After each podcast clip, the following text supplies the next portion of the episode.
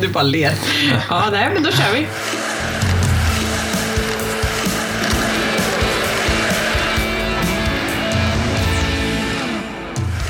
Han är mannen som byggde Färjestads guldfysik och har jobbat hela sommaren med att lägga grunden för den kommande säsongen. Du lyssnar på NVT Istid med Solveig Voice, Marcus Strömberg och dagens gäst Rickard Kalenius. Välkommen Rickard! Tack så mycket. Tack så mycket. Hur känns det? Den klassiska sportfrågan får du först.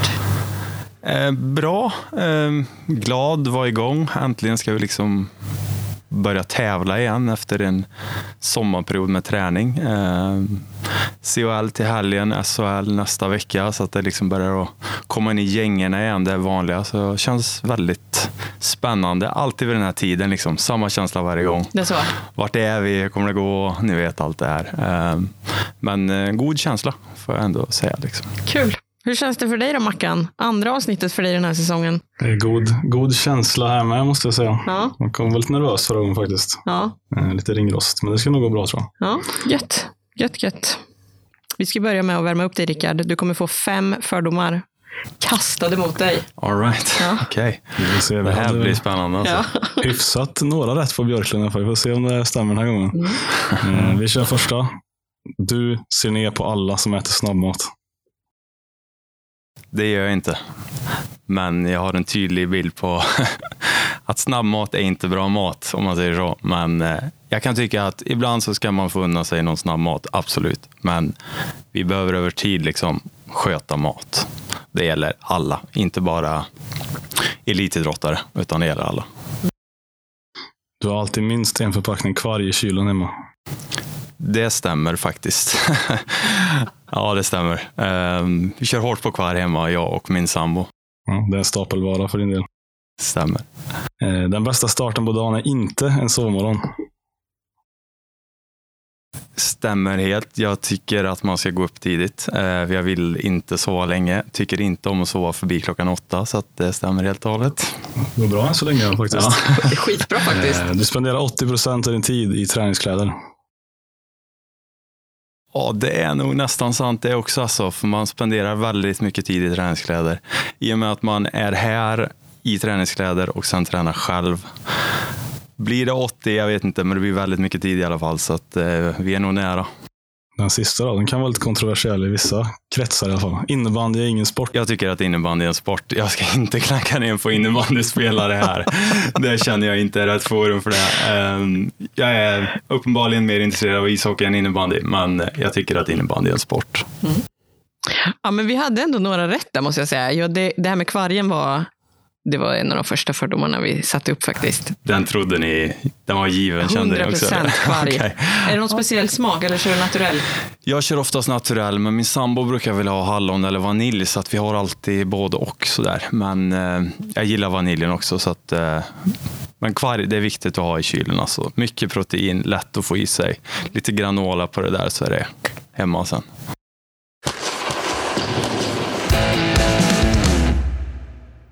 Vi tänkte vi ska börja lite grann med att prata om din bakgrund. Vi är nyfikna på vem du är. Vi vet ju vad du gör, men vi vet ju inte riktigt vem. Vem är du liksom? Vem var du innan du kom till Färjestad? Vad gjorde du då? Ja, utan att dra hela livshistorien här då, men jag är uppvuxen i Arvika och eh, har bott lite överallt. Ehm, Flyttade tillbaka till Karlstad för typ fyra år sedan, någonstans där, fyra, fem år sedan. Innan det så hade jag utbildat mig på GH i Stockholm och läst en utbildning inom idrottsvetenskap. Det är alltså en, en utbildning där man tittar på idrotten ur ett vetenskapsperspektiv. Vad finns det för forskning på diverse träningsmetoder, olika sporter, för att förankra vad man gör med den evidensen som finns tillgänglig, kan man säga. Mm. Så att eh, när jag tog examen därifrån 2017 så fick jag jobb uppe i Åre på Alpina skidförbundet. Så att jag jobbade med deras olika landslag där med olika utvecklingsdelar med träning, kost och hälsa egentligen också. Eh, så att eh, målet var liksom att få fler guldmedaljer inom världscupen och dåvarande OS. Ehm, det gick bra för eh, både Frida Hansdotter och André Myhre tog eh, OS-guld. Ehm, det var en jättehäftig tid. Ehm, det som hände sen var egentligen att jag insåg att jag tyckte hockey var roligare än utförsåkning och flyttade hem, började diskutera med FBK om det fanns en roll för mig här i föreningen. Till slut blev det så eh, och sen dess så, så är jag här egentligen. Häftig resa. Ja, ehm, ja. Den, den har bara blivit eh, kan man väl säga. Eh, sjukt roligt i alla fall. Liksom. Jag, var, jag har varit uppe i idrott och träning i alla fall vad blir det nu, 12-13 års tid nu som huvudintresse. Eh, och sen då när jag tog examen och fick börja arbeta med det aktivt så var det, liksom, det var mitt mål att ta mig dit. Så det kändes ju superhäftigt att få den chansen uppe i Åre och sen kunna bo hemma i, i Karlstad och samtidigt jobba med elitidrott. Det var ju drömmen och målet och så blev det. Så det är ju det är häftigt. Hur, eh, hur ser den egna idrottsbakgrunden ut?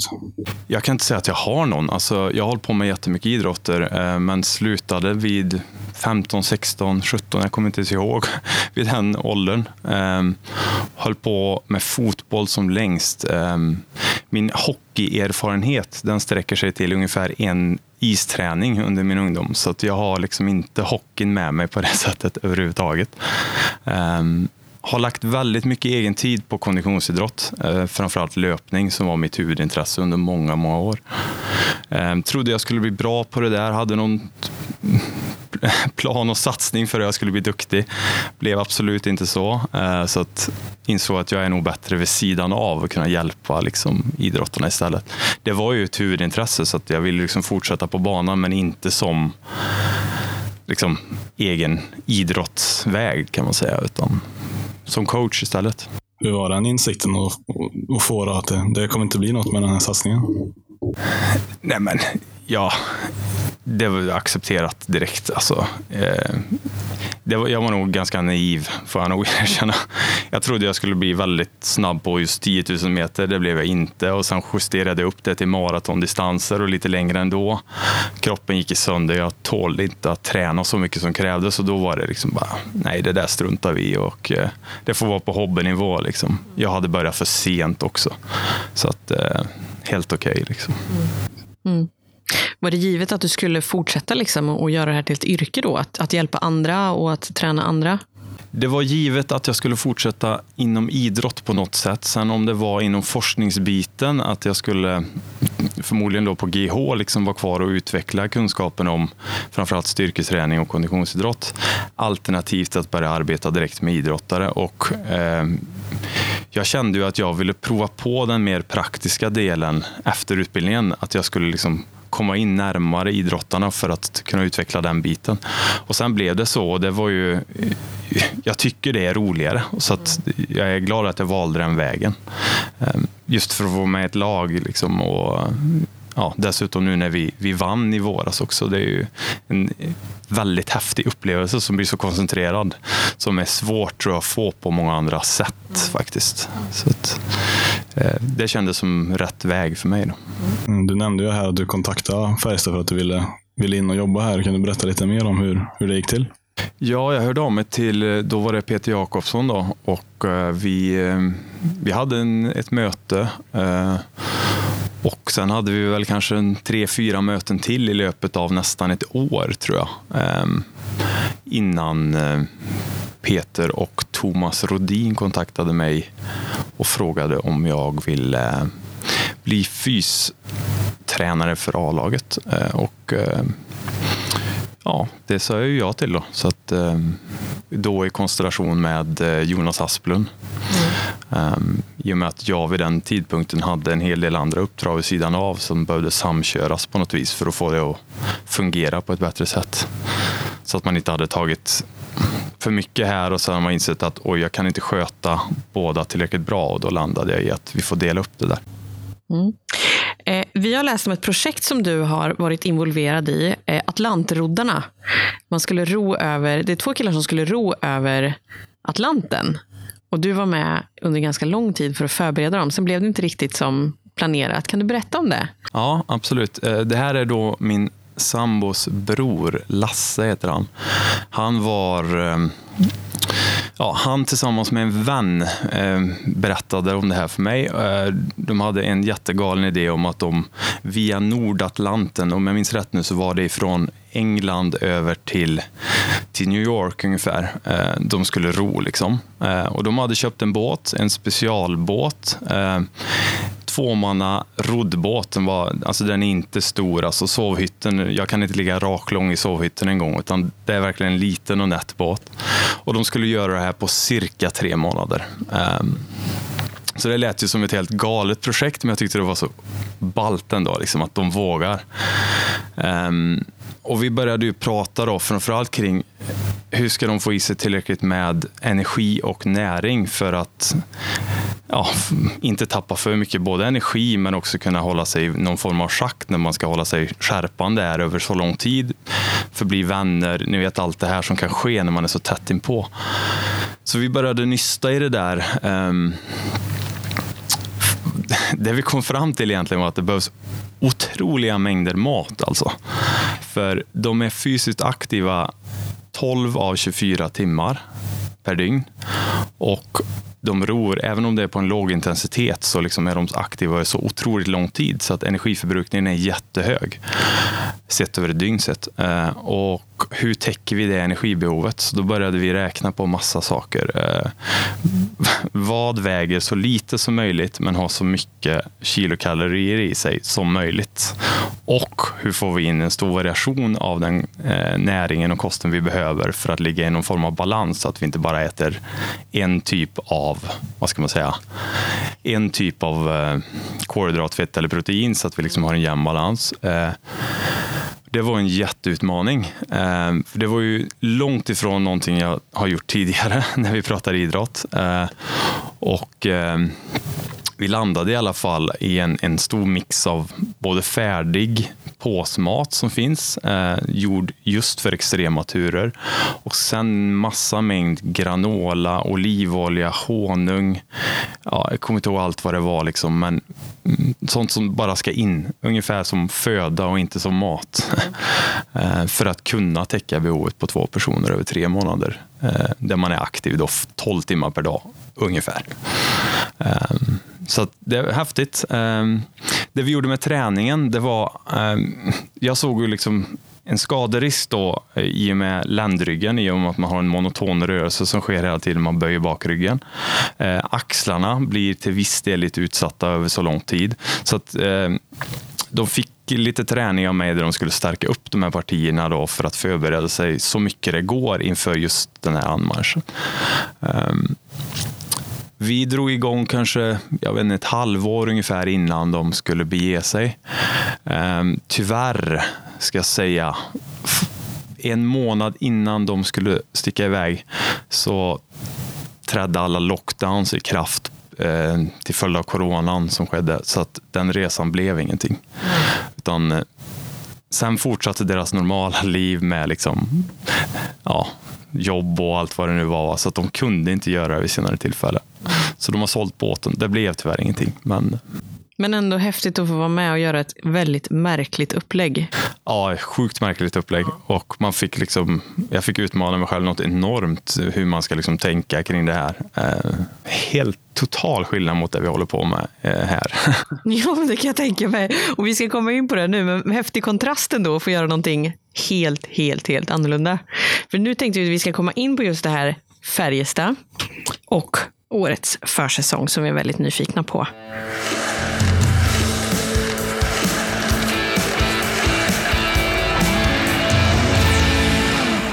Fysperioden nu då, eller försäsongsperioden, är ju slut. In, om en vecka kan man säga att då börjar ju SHL i alla fall och då är ju tävlingssäsongen igång på riktigt. Hur ligger Färjestad till? Vi ligger bra till fysiskt sett. Vi har ett lag som är starkare i år än vad de varit tidigare år vid mig där jag har varit vid rodret så att säga. Eh, så att eh, rent fysiskt så ska jag säga att förberedelserna är gjorda på ett väldigt bra sätt. Eh, vi har ett lag som har Även om de har genomgått en väldigt kort fyssäsong, väldigt kort och koncentrerad, så har vi gjort en väldigt bra fyssäsong vi har kört väldigt tuff träning. Vi har behövt kapa vår grundträningsperiod i och med att vi inte kunde börja förrän sent, sent slutet av maj.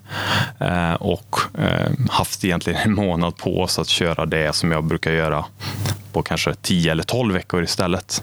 Eh, och sen då har det också ställt större krav på laget att träna under juli månad och att vi under augusti nu när vi kommer tillbaka och samlat har kört har kört med målet att liksom nå till samma fysiska status eller bättre än vad vi haft tidigare inför en, fys eller inför en SHL-premiär. Mm. Så att det har blivit lite annorlunda i år, men vi har lyckats väl. Alltså, jag är jättenöjd med lagets insats, vad de har gjort och eh, vi, vi ser redo ut. Liksom. Kan, man, kan du till och med slå fast att det är den bäst tränade upplagan som du har varit med om i Färjestad? Ja, det är jag säker på som, som jag under mina år här då, eh, är det den bäst tränade upplagan, ja. Med tanke på att den här, du är inne på det, den här försäsongen blev ju väldigt kort för er eftersom den förra säsongen var så lång också. Vad har ni lagt fokus på? För ni har kapat bort ganska, alltså som du säger, ni fick ju kapa en del. Vad har ni lagt liksom störst vikt vid? Man kan väl börja så här, jag brukar ha en, en, den här grundperioden där man liksom vänjer in kroppen på ett sätt, där man lär sig att tåla en högre träningsbelastning i gymmet och i löpform eller vad det nu är. Va? Eh, den har jag inte haft lyxen att kunna ha lika lång, så att jag har behövt kapa den. Och därav har jag trätt in på vad jag kallar för ett powerblock mycket tidigare. Power är alltså eh, kraft och hastighet, men du kan säga eh, så mycket effekt som möjligt ur en motor. Eh, och eh, de har ju en motor även om det är en mänsklig motor. Och jag vill ju se att vi får ut så mycket effekt som möjligt, både att det går fort och att vi producerar mycket kraft. Så jag började jobba med det ganska tidigt. Och istället för att ha en uppbyggnadsfas till den perioden och kunna få en stor en effekt av powerblocket under en kortare period så har jag haft ett längre powerblock i år och kunna utveckla den delen, vad jag anser då på ett bättre sätt liksom, i förhållande till den tiden jag hade. Um, och vi har gjort det mycket på cykel. Um, vi, vi, har en typ av cykel som heter Wattbike som är en, en jättebra träningscykel som jag då kan mäta och säkerställa att vi gör, vi gör det vi ska och att vi höjer oss från en punkt till en annan. Um, så att uh, egentligen så kan man säga. Sen så har den totala mängden antalet träningspass varit detsamma. Vi ligger på sex till åtta träningspass i veckan. Ofta är det sju stycken, alltså måndag till fredag. Då. Eh, men lite högre intensitet på de flesta av dem. Så att vi har liksom kunnat gå lite hårdare, vila två dagar, gå lite hårdare. Hur, eh, hur ser en, en vanlig dag ut på försäsongen? Vet liksom spelarna om redan när de kommer hit vad som väntar eller blir det en liten obehaglig överraskning kanske i vissa fall? Eh, och nu när du säger försäsong, då menar du när vi är barmark så att säga, ja, eller precis. innan semestern? Ja, ja. Eh, jag ger dem ju en plan. Eh, vi har en veckoplan och den känner de till. Eh, ibland så tar jag och skickar ut det till och med i deras telefoner så de ser liksom exakt. Men jag vill inte att den ska vara 100% detaljerad, för ibland behöver jag göra förändringar från dag till dag beroende på vad som händer. Så att eh, de har koll, de vet vart vi är, men ibland kan det komma en tweak från min sida. Liksom. Det är en del i, i yrket att man får se att och idag såg det liksom Idag var det lite tröttare och kanske jag justerar den där biten. Idag var det piggare. Ja, men då finns det utrymme för det här. Så att jag försöker hela tiden ha den känslan. Liksom. Um, alla tycker kanske inte att man har det. En fystränare kan vissa tycka att nej, nu räcker det liksom. Men eh, jag eh, ja, försöker att se gruppen, se vart mm. de är och sen liksom eventuellt göra förändringar. Mm. Finns det några övningar eller moment eller typer av träning som det blir lite suckar kring eller åh oh, nej, inte idag? Ja, men eh, att ta med sig från det här året i och med att vi har behövt köra powerdelen tidigare så har vi gjort ganska tuffa cykelintervaller, bland mm. annat cykelintervaller som är upp till 30 sekunder långa som då är på egentligen full intensitet så att man maxar egentligen från start eh, och att man kör ett gäng sådana där och de, de brukar de tycka det är inte det roligaste att kliva in till att göra faktiskt. Eh, har man väl provat det liksom, så vet man själv hur det känns. Det är Ja. fruktansvärt jobbigt. Eh, även om det bara är 30 sekunder. Jag brukar säga det. Dagens cykel är totalt tre minuter lång. Eh, och det låter ju som ingenting, eller hur? Men 6 gånger 30 sekunder all out, det är fruktansvärt jobbigt. Eh, och eh, jag tror de flesta hellre tar 45 minuter alla dagar i veckan. Liksom, om man tänker liksom att hur jobbigt det är. Men då kan vi få in väldigt effektiv träning på väldigt kort tid. Några spelare som, som sticker ut extra, både, både konditionsmässigt och styrkemässigt.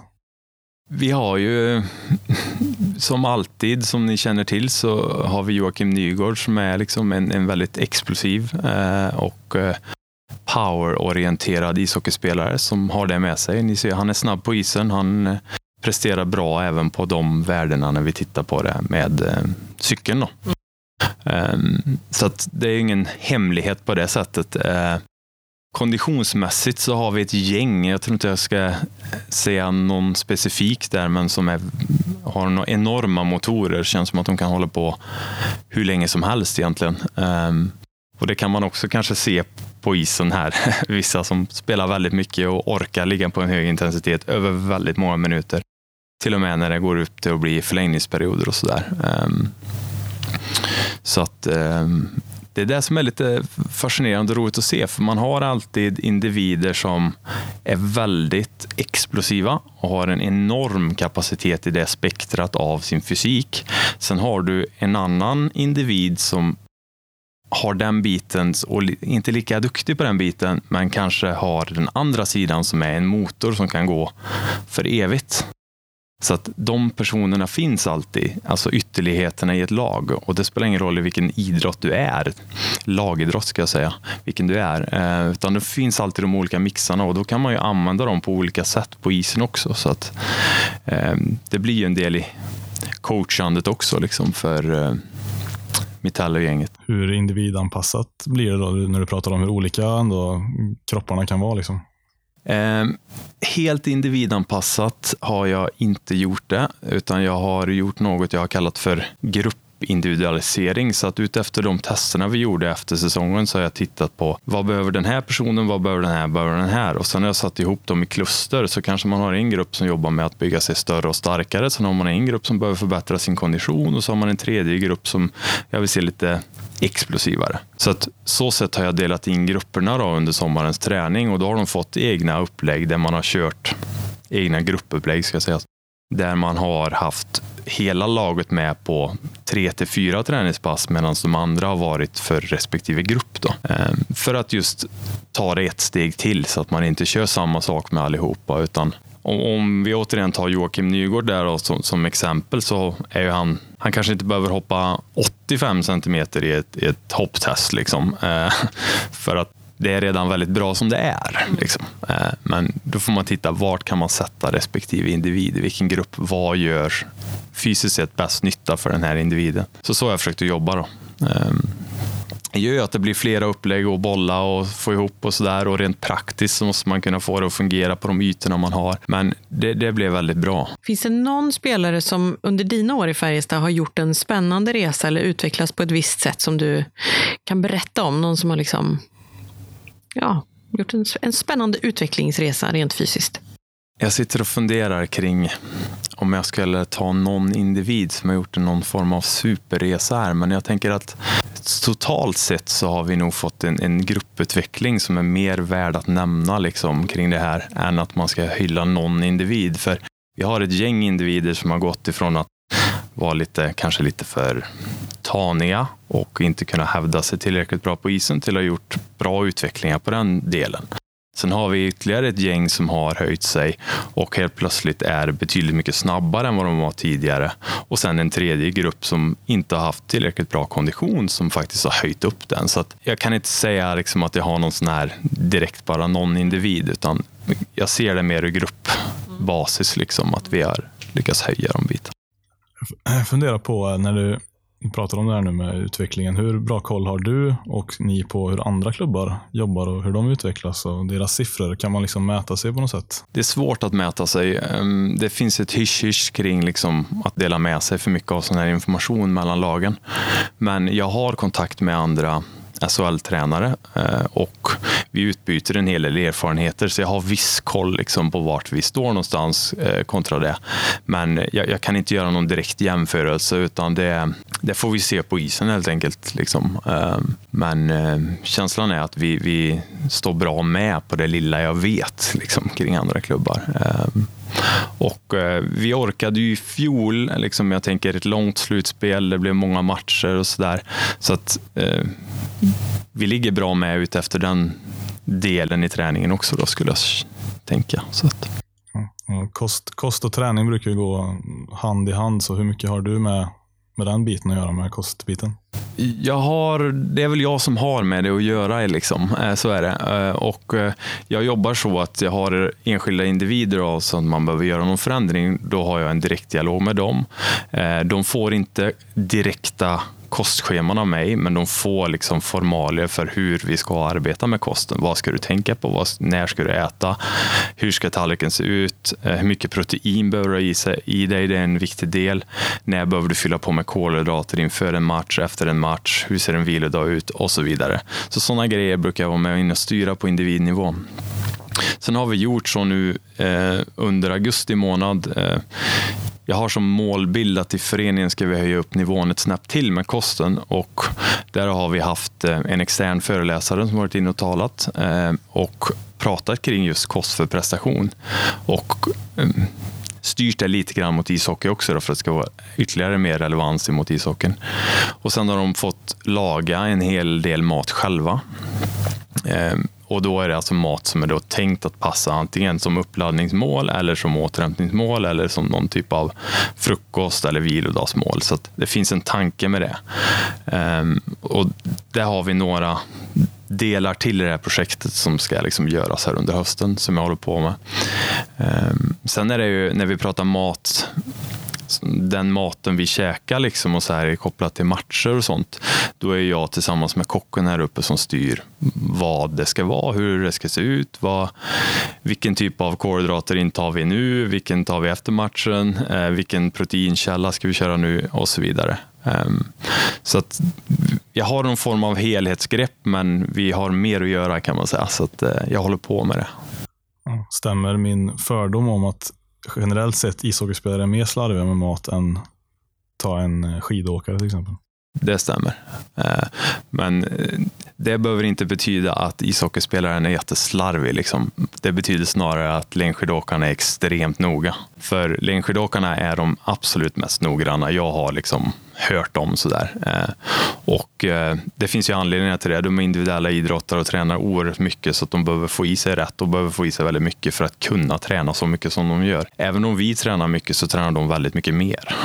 Det är likadant med en simmare eller en triatlet eller vad det nu tar. Så att, eh, där är lite idrottsskillnader också. Ehm, men jag är helt övertygad om att vi kan bli bättre på kost och det tror jag hockeyn generellt kan bli. Ehm, det, det är som, som med alla andra i samhället i stort kan man säga så är ju vi alla är vi påverkade av de trender som går. Vad man ska äta, vad man absolut inte får äta och så vidare. Och det, det gäller att jag då i min roll fungerar som en vägledare här kring vad finns det för forskning på respektive eh, ja, näringsfysiologi eller vad vi nu ska prata om. Eh, vad kan vi förhålla oss till? Vad är farligt på riktigt? Vad är inte farligt? Liksom? Och försöka hjälpa dem och guida dem i det där. Eh, för vi läser mycket allihopa, vi hör mycket och det, det är lätt att liksom bli lite defensiv eller eh, ta åt sig lite för mycket av vissa åsikter som syns. Liksom. Och, så det där är någonting jag man, man försöker själv liksom att gå igenom allting. Vad blir man påverkad av? Vad blir man inte påverkad av? Men, eh, utgå från vad vi har stöd för, vad som faktiskt fungerar och sen så får man tweaka därifrån och inte hoppa på en massa påhitt hela tiden. Liksom. Hur mycket äter en spelare då, på SHL-nivå? Äter de hela tiden? För det är det man tänker att... Nej, det gör de inte. Eh, det gör de inte. Men i runda slängar så kanske vi är uppe på tre och ett halvt 4000 kilokalorier per dag, om det säger er någonting. Men eh, det är liksom, de, de tränar ju fys, eh, de tränar is eh, och sen har de ett vardagsliv och så har de en stor kropp så att de förbrukar ju mycket energi bara genom att vara i vila också liksom, jämfört med om man är mindre.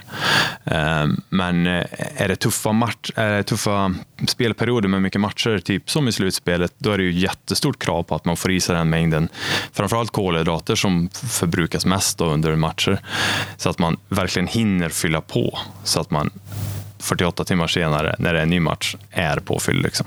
Annars så kommer man få en intensiteten kommer gå ner och du kan inte liksom spela lika snabbt, lika aggressivt. Du orkar inte lika länge. Så att det blir oerhört viktigt. Då. Finns det utrymme för en rejäl kebab lite här och där eller är det uteslutet? Det är ingenting jag förespråkar. Jag kommer aldrig förespråka kebab eller pizza. Men det är klart att som jag sa i början, det här med snabbmat. Ibland så får man ju unna sig det. Liksom. Jag, jag kommer inte vara någon sån här alltså, jag kommer inte strypa allt sånt. Liksom. Men i vissa perioder när det är väldigt viktigt med matcher, då är det kanske rakt nej. Liksom. Det här är inte okej. Okay. Nu ska vi ha det här för att vi ska spela igen om två, två dagar. Och då måste vi käka det här. Annars så är risken att du presterar sämre om två dagar. Och det, det, är liksom, det köper de, så att det är lugnt. Men har man, låt säga, om man skulle ta ett typexempel att man spelar en match på en lördag och sen är det nästa match på en torsdag och sen så, jag vet inte, kanske någon ledig dag om man vill unna sig någonting på lördag kväll. Det är inga problem med liksom. Ehm, det får inte bli en vana att äta eh, skitmat för liksom, tillagade råvaror bara. Det, är liksom, det går inte. Då, det kan bli fel helt enkelt. En annan viktig del i hälsan är, som man kanske inte pratar lika mycket om som just kost och träning, det är ju eh, återhämtning och sömn. Är det någonting som ni pratar mycket om? Mm.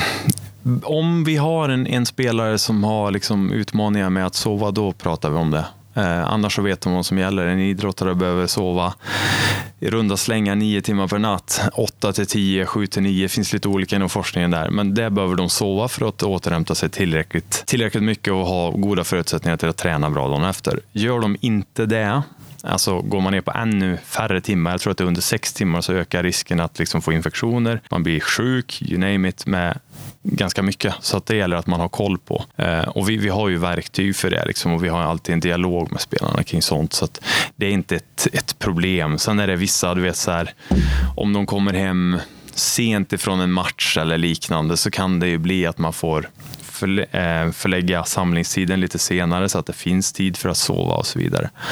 Ehm, det finns också en ökad skaderisk om vi sover för lite och för dåligt, framförallt över tid. Så det gäller att ta hänsyn till. Du pratar lite om de här mätverktyg som finns. Eh, hur har liksom det här förändrats de senaste åren med allt som går att mäta? Om, om jag kollar bak till fysträning, då tänker man på en, en gubbe i kulmage och en rejäl baksnus som skriker att man ska upp för backen. typ. Det känns ju som att det är ganska långt från den biten nu? Ja, jag tror inte, om jag såg ut så och var den så tror jag inte jag skulle få respekten med mig hos laget faktiskt. Så det är tur att det är borta. Liksom. Eh, men när det gäller teknologin och koppla träningen till sådana saker så finns det ju en uppsjö av olika verktyg man kan använda. Eh, det man alltid liksom måste ställa sig frågan det är, är verktyget bara flashigt att ha eller gör det faktiskt en skillnad? Eh, och, och, jag är ju väldigt teknologiskt intresserad så jag älskar ju allt som kommer sådär men man måste alltid ställa sig frågan, kommer jag ha nytta av det här? Liksom? Eh, vi, vi, har några verktyg som, som, är bra och som vi använder för att plocka in information direkt ifrån spelarna. Eh, är det något avvikande värde så får vi en signal, ett signalement om det i systemet och gör att vi kan följa upp det. Liksom. Eh, och det, det, kan ge oss en fingervisning på hur vi sen ska arbeta vidare. Eh, så att absolut, det finns utrymme för sådana liksom, saker att använda. Ehm, sen så får man alltid också ställa det i relation till hur mycket verktyg ska jag ha? Ehm, hur mycket tid tar det? Och är det välinvesterad tid eller är det inte det? Liksom? Det är också nästa fråga. Ehm, men det är häftigt såklart. Ja, verkligen. Det låter ju... Det är en hel vetenskap. Liksom. Vi skulle kunna sitta här i flera timmar. Vi ska prata lite grann om eh, de vanliga dödliga människorna som är eh, säkert nyfikna på vad du har för tips där. Vi tänkte, om man har en person som skulle vilja styra upp sin, eh, ja, men, sin hälsa, sitt fysiska mående. Vad är det första tipset du skulle ha till en sån person? Och Det kan vara allt från liksom kosttips eller träning. Eller vad ska man tänka på om man tänker att nej, nu, nu tar jag tag i det här? Som säkert många tänker nu efter sommaren. Mm. Det där är, jag har faktiskt fått frågan många gånger liksom, kring sånt där och eh, under många års tid så har jag försökt att motivera människor liksom, att de ska kunna genomföra träning. Eh, det har jag slutat med av en anledning att eh, motivationen är inte liksom en tillräckligt bra drivkraft för att bedriva träning. Alltså, man är inte alltid motiverad, så är det bara. Inte ens en elitidrottare är alltid motiverad till att träna. Så att det är bara att slänga den i graven. Alltså, Rutiner är det som avgör. Skapa dig möjligheter att kunna träna. Förbered dig, gör, gör tid i schemat till att vid den här tidpunkten ska jag träna, för då finns det en praktisk möjlighet med mitt schema för den dagen ser ut. Finns det inte tid någonstans, då måste man prioritera att skapa den tiden, för att det är så pass viktigt. Får man in de rutinerna och mönstren för när det ska ske, vart det ska ske och hur det ska ske, då kommer det gå av sig själv sen. Sen tar det ett bra tag kanske. För vissa kanske det tar en månad, för vissa kanske det tar ett år. Jag vet inte, men innan man liksom accepterar sina rutiner helt och hållet. Men det är när resultaten kommer, när man känner skillnad, det är då motivationen stiger. Tyvärr stiger inte motivationen efter två pass om man är otränad, för då är det jobbigt att träna. Därför måste man bisätta motivationen och fokusera på rutiner istället. Nu ska det här göras och så här skapar mig förutsättningar för att göra det. Mm. Ungefär så. Något vi båda är nyfikna på. Det. Ett tips på ett riktigt bra mellanmål. Du var inne på det lite tidigare kanske, men kanske har fler.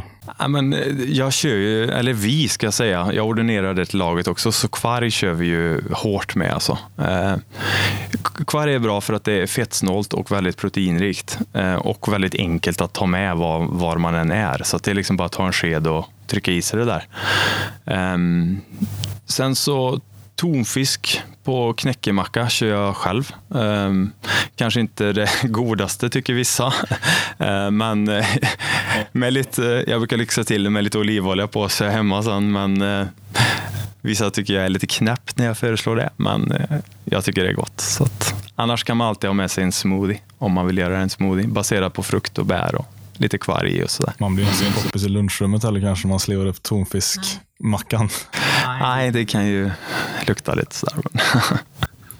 ja, men det är bra. Jag tror mellanmål är en sån här grej som många skippar. För att det är kanske lite krångligt och man har inte alltid alla grejer med sig. Och... Så kanske det är lätt att mellanmålet istället blir ett wienerbröd eller liknande. Och jag menar, vill man liksom skapa eh, hälsosamma rutiner kring att inte äta för mycket sötsaker så det är klart att då bör man försöka undvika det och kanske ta med sig någon kvarg istället. Om man, som vi pratade i början, köper en kvarg med hallonsmak då, så är det ju faktiskt gott också. Mm. Den naturella är ju inte jättegod, då måste man typ ha bär till för att det ska smaka något. Om man är en småbarnsförälder som inte har så mycket tid, att eh, ja, man har ett hektiskt liv liksom, och vill hemmaträna. Har du något tips på en bra övning man kan göra hemma utan redskap? Det blir nog flera här, jag har svårt att bara säga en. Men om man tänker så här att man ska eh, böja sig, alltså typ i en knäböj, alltså gå ner och upp. Man ska fälla kroppen ifrån höften, luta sig fram och man ska köra någon form av utfallsvariant där man liksom splittar benen, utfallssteg då, kan man säga. Eh, Får man in de tre och eventuellt en, en liksom press med överkroppen, typ en armhävning, ett drag för att få med ryggen, då är du hemma. Så man kan tänka, i stort kan man tänka de rörelserna.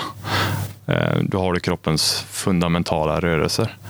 Eh, sen så om man vill vara hypereffektiv med sin träning och ha väldigt lite tid, då är intensiteten en faktor. Intensiteten i det här fallet betyder att man kör hårt. Liksom. Väldigt kort tid. Alltså, 90 sekunder träning där du bara står och gör maximala upphopp rakt och ner i 90 sekunder kommer att vara faktiskt ganska bra träning. Men ta bara 90 sekunder. Sen är det väldigt jobbigt när du gör det. Men det kan, det kan man komma långt på om man, om man inte har tid. Liksom. Det finns till och med eh, alltså, jag kommer inte ihåg exakt hur kort tid det är nu, men det släpptes någon bok för några år sedan. Man skulle träna typ en minut om dagen eller någonting sånt där. Eller, eh, och, och, jag menar, gör man det riktigt hårt så kan man faktiskt få en träningseffekt av det, beroende på hur bra tränare man, man är från början givetvis. Vad är det vanligaste felet folk i allmänhet gör, tror du? Och, eh, jag ska inte säga att jag vet riktigt, men, men eh, det jag hör liksom är att folk går ut med någon form av supermotivation och kör stenhårt och sen så ja, har de svårt att upprätthålla det liksom. Och istället blir det en motsatt effekt att man återgår i de gamla vanorna och kanske slutar då eller kör typ ingenting. Och då, då fallerar ju allt. Liksom. Eh, eh, träning handlar om, som så mycket annat om att man ska hålla i rutiner över tid. För att eh, jag brukar säga det att, att förändra hur en kropp ser ut eller få en, en förändring i kroppen, liksom, alltså vill bli, få större muskler, bli starkare. Det tar tid. Alltså. Kroppen gör inte det här på en ett pass eller två pass. Den gör det av rutiner som sker från vecka till vecka, månad, år. Och då kommer man få en jätteeffekt på det här. Liksom. Men, men det gäller att orka motivera och hålla i över tid. Liksom. Mm. Det är quick fix letande. Det finns inga quick fix i träning, tyvärr. Det, det gör inte det hur mycket vi än letar. Det finns ju den klassiska eh, bilden som florerar på nätet lite då och då med ett piller. Tänk om det fanns ett piller som sänkte vårt blodtryck, minskade risken för hjärt-kärlsjukdomar, diabetes, gjorde oss piggare, eh, ja, you name it. Eh, och, och, det pillret finns, men det kallas för träning, liksom. fysisk aktivitet och träning. Eh, men det är inte bara att ta en gång och så är det klart, utan det, det behöver man göra över tid. Mm.